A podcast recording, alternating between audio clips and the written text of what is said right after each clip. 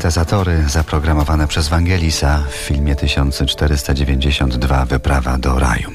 A u Skaldów w zespole Andrzeja Zielińskiego, nie jak w latach 60. w big beatowych grupach trzy gitary i perkusja, tylko wysublimowane instrumentarium, prócz gitar i perkusji, skrzypce, trąbka, fortepian.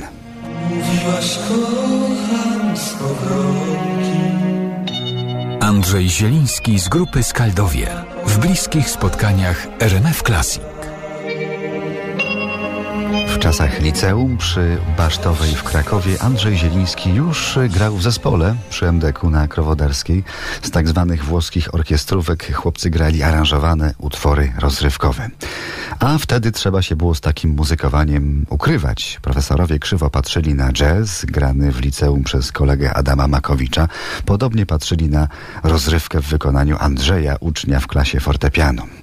Za takie muzykowanie można było wylecieć ze szkoły. W studenckim kabarecie Sowizdrzał, już na studiach w Akademii Muzycznej, pianista Andrzej Zieliński grał w cudzysłowie po cichu, akompaniował wokalistom ze szkoły teatralnej, pisał piosenki, a gdy doszło do koncertu w Filharmonii, by nie miał kłopotów, koledzy pomalowali mu włosy na czarno. Grał też pod pseudonimem.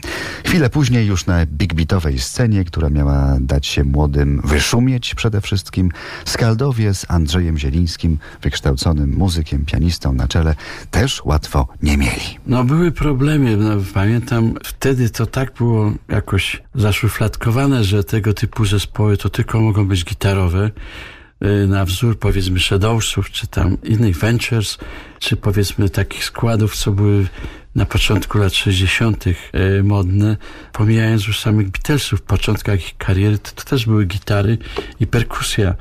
Także y, nawet y, ówcześni DJ-e, czyli młodzi ludzie, którzy prowadzili w radio audycje muzyczne i puszczali nagrania, to przeszkadzało im wręcz to, że, że jest jakiś fortepian tam czasami nawet wyeksponowany. No jak miał być niewyeksponowany, jak ja byłem pianistą? To na jednym palcem to dzisiaj się gra w różnych wersjach y, takich tanecznych tych zespołów, gdzie niewiele trzeba, jednym palcem można włączyć cały program i orkiestrę, łącznie z perkusją. Także ja grałem w sposób pianistyczny, także to przeszkadzało im. To za duża, mm, powiedzmy, faktura, jeśli chodzi o brzmienie.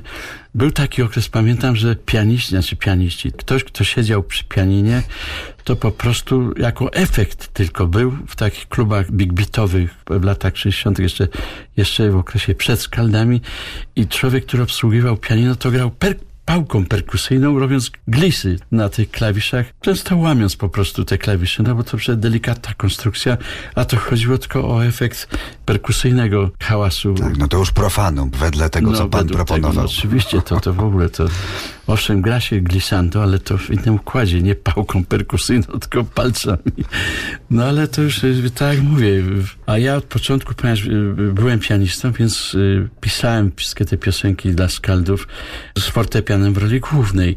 Gitary były na początku, jakby powiedzieć, troszeczkę w tle, aczkolwiek też były eksponowane, bo były dwie gitary, każda gra coś innego, bo muszę powiedzieć, że ja od początku y, aranżowałem każdą partię. Gitarzyści nie grali tego, co chcieli, tylko po prostu mieli rozpisane w nutach, co mają zagrać.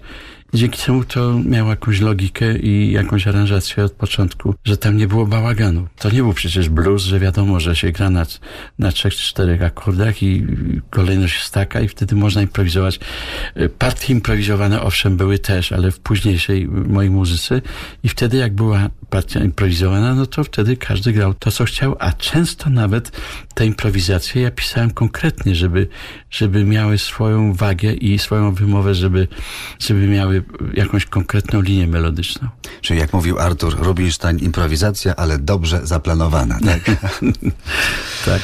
Improwizację skaldów pod batutą Andrzeja Zielińskiego za chwilę już w bliskich spotkaniach RMF Classic.